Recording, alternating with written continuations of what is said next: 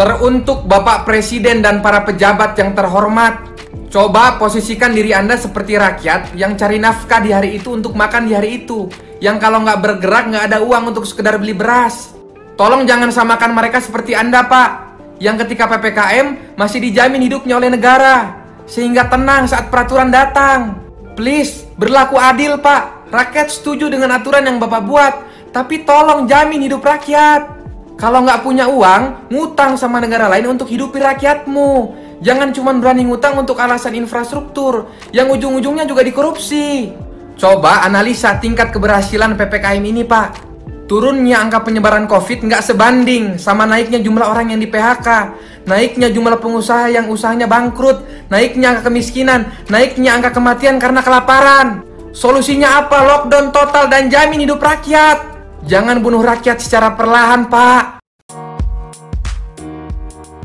Yap, kembali lagi di podcast Rantau. Malam ini kita akan ngomongin masalah PPKM, imbasnya terhadap masyarakat seperti apa. Dengan ini secara psikologi kami sebagai masyarakat kepada khususnya kepada presiden, kepada menteri, kepada gubernur wali kota untuk diberikan kompensasi.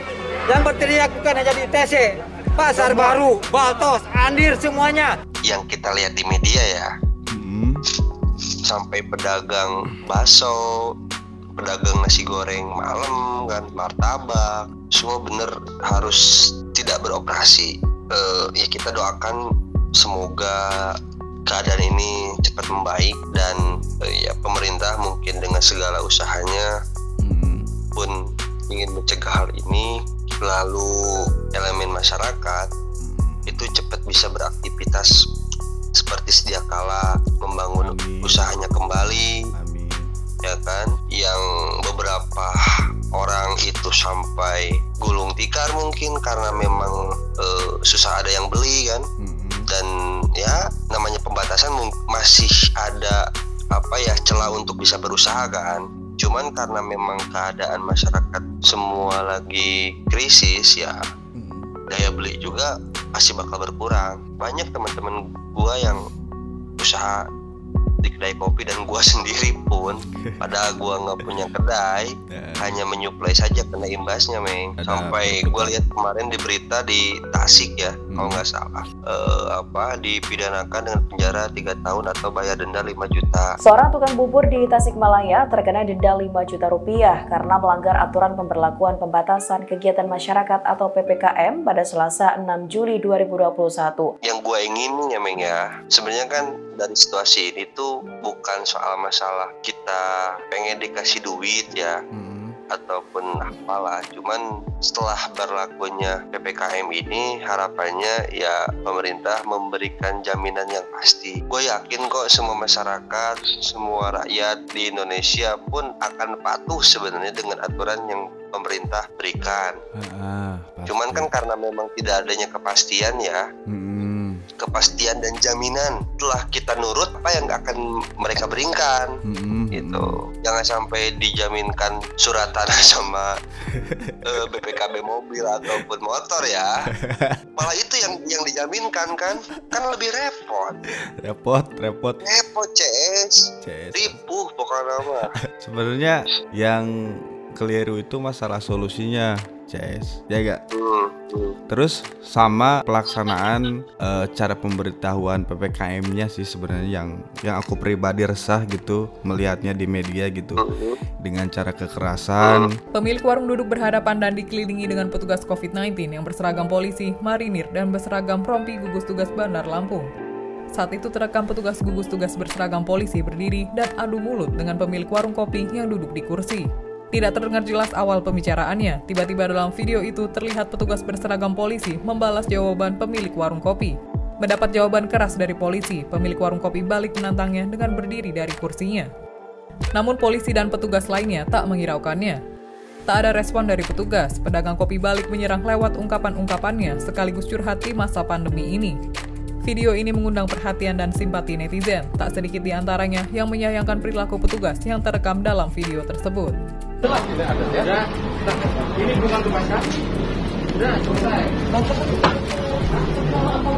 pula tugas kamu negeri saya? Tugas kamu mengajukan ke sana. Tugas saya di sini.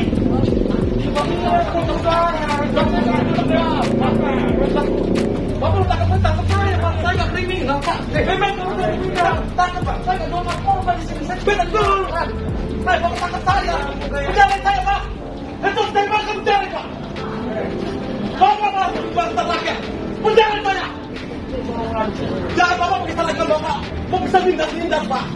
Saya cuma cari makan di sini, Pak. Saya cuma mikir anak buah saya. Anak-anak saya makan gimana? Mau bayar sekolah. Bapak nggak mikir tak gitu, Pak. Bapak mikir ke situ. Bapak bisa cuma dengan seragam Bapak. Saya aparat, saya aparat. Bapak mikirin aku capek. Pikir ke nasib saya makan gimana? Bapak masih kasihan, Pak. Saya nggak bukan makan. Terus tukang bubur suruh Ya, bayar emang 4 juta. maksudnya kan itu nggak logis ya. Maksudnya kan secara kita mikir logika aja orang jual bubur satu mangkuk cuma berapa sih? Misalkan 10.000 ribu terus kena denda Seorang tukang bubur di Tasikmalaya terkena denda 5 juta rupiah karena melanggar aturan pemberlakuan pembatasan kegiatan masyarakat atau PPKM pada Selasa 6 Juli 2021. Lanjut Endang, dirinya diberitahukan wajib mengikuti persidangan di depan Taman Kota Tasikmalaya oleh Pengadilan Negeri Tasikmalaya pada Selasa 6 Juli 2021.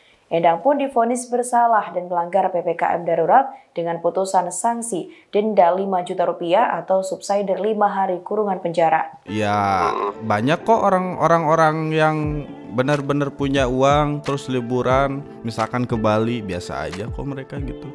Dengan alasan mereka sudah memenuhi protokol kesehatan kan sebenarnya nggak nggak seperti itu juga gitu. Apa? Pro? Protokol Pro kesehatan konto. Oh ya gitulah maksudnya teh kan gak logis gitu. Eh, dengan cara penyampaiannya apalagi kalau misalkan terus si eh, apa warungnya dirusak dan lain sebagainya. Itu kan sebenarnya tidak menjamin kesejahteraan mereka juga kan.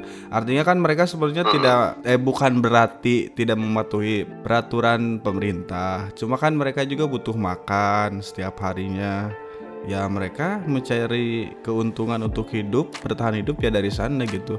Mungkin lebih bagus ketika pemerintah memberikan solusinya gitu. Ketika ada pencegahan ya ada solusi gitu. Ya bukan berarti diam di rumah aja gitu kan. Ya apa gitu misalkan ada solusi lain untuk mereka bisa bertahan hidup. Solusi Iya. ada sebenarnya meng. Iya.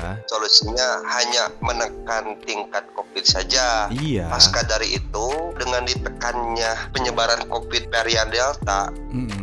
Di samping lain gitu kan soal masalah jaminan sosial ekonomi seperti apa? Nah itu masalahnya. Anak-anak coba sekarang kan bayangin satu tahun kemarin gua sedih kadang. Yang baru masuk sekolah SD misalkan udah daring yang harapan Oh, orang benar, tuanya mungkin bisa dibantu Hmm. di sekolah agar anak itu minimal bisa membaca menulis saja. Kan repot pisan meng sehingga orang misalkan di Hmm. Cianjurnya yang biasa orang ngomong bahasa sehari-hari bahasa Sunda. Heeh. Cuman kan bahasa Indonesia tetap menjadi bahasa nasional. Heeh.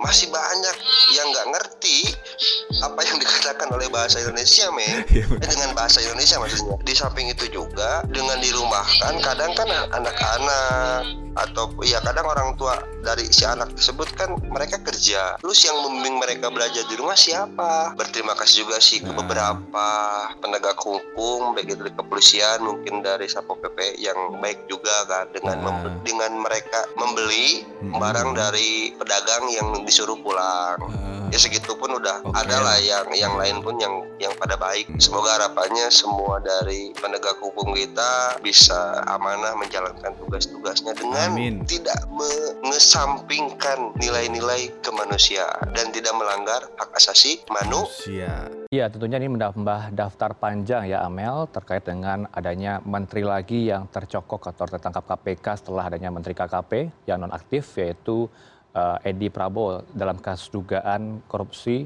ekspor benih lobster. Nah, Menteri Sosial Juliari Pitar Batubara ini juga menerima uang senilai total 17 miliar rupiah dari dua pelaksanaan paket bantuan sosial berupa sembako untuk penanganan COVID-19. Dan pengadaan bantuan sosial untuk penanganan COVID-19 berupa paket sembako di Kementerian Sosial RI tahun 2020 memiliki nilai sekitar 5,9 triliun rupiah dengan total 272 kontrak dan dilaksanakan dalam dua periode.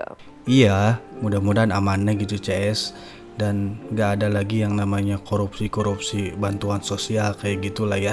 eh, kalau saya pribadi gitu merasakan imbasnya sampai ke sini gitu kan. Maksudnya kan sekarang lagi merantau juga misalkan di Taiwan kan terus imbasnya bener-bener kerasa gitu dengan adanya ppkm ini. Terus ditambah lagi kan Taiwan sedang lockdown gitu ya. Eh sama lah maksudnya tapi nggak separah. Looking in the style.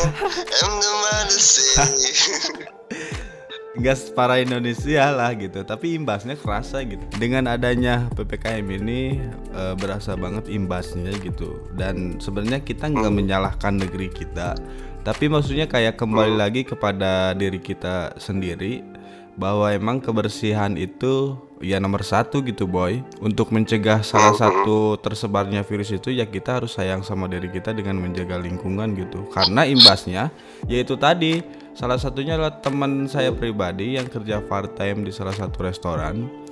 Eh, tanpa dia membuat kesalahan yang fatal dia dipecat gitu dengan alasan kamu itu orang Indonesia dan Indonesia itu sangat banyak sekali orang-orang yang terkena eh, dampak virus corona dan itu nggak logis lah boy. Maksudnya kan itu kejadiannya di Indo kita di Taiwan gitu. Kan jauh. Mungkin juga percaya dengan istilah ilmu sunju ilmu kebatinan. Oh. ilmu kebatinan jadi bisa tersambung Ah, gitu. bisa jadi. Semua merasakan dampaknya.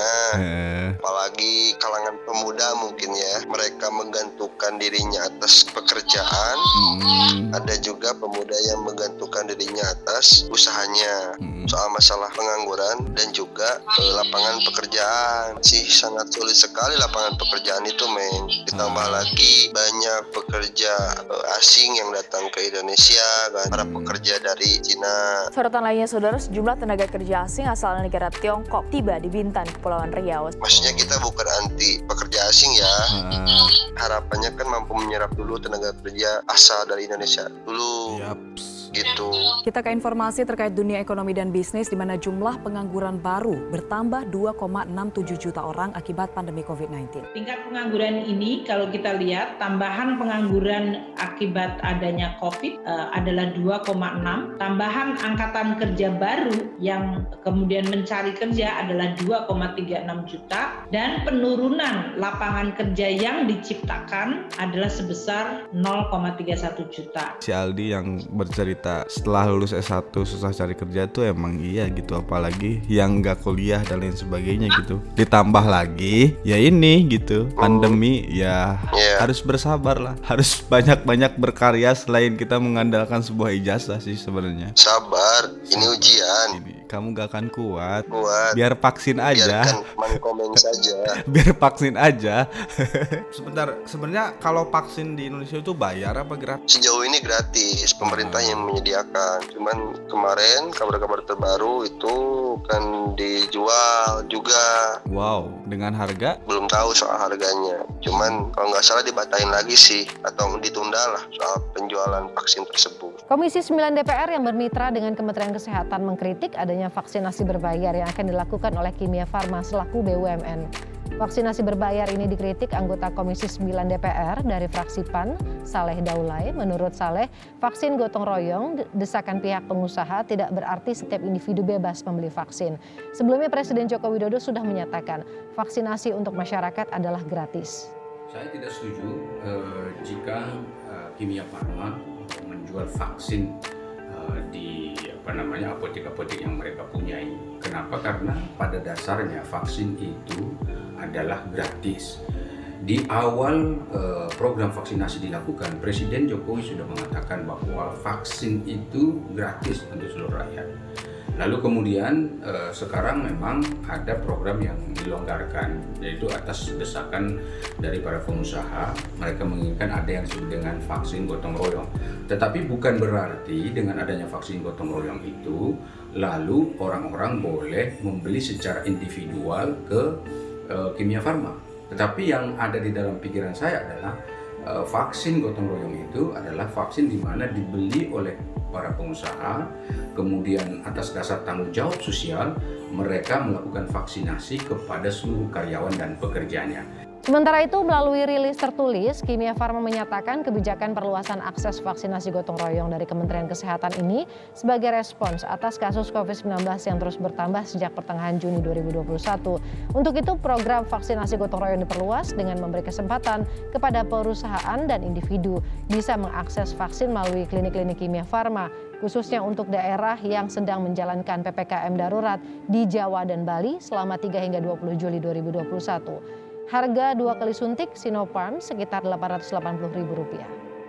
Tapi sekarang sekolah masih libur apa udah masuk? Seharusnya masuk. Eh. Cuman kan lagi keadaan gini gimana mau bisa sekolah, Bray? Berarti daring. Garing lah ya malah. Daring. Tapi maksudnya kalau daring sama anak SD itu gimana? Kan bapaknya seorang guru lah. Garing, garing, lain daring, lain daring, lain luring, garing bukan nomor.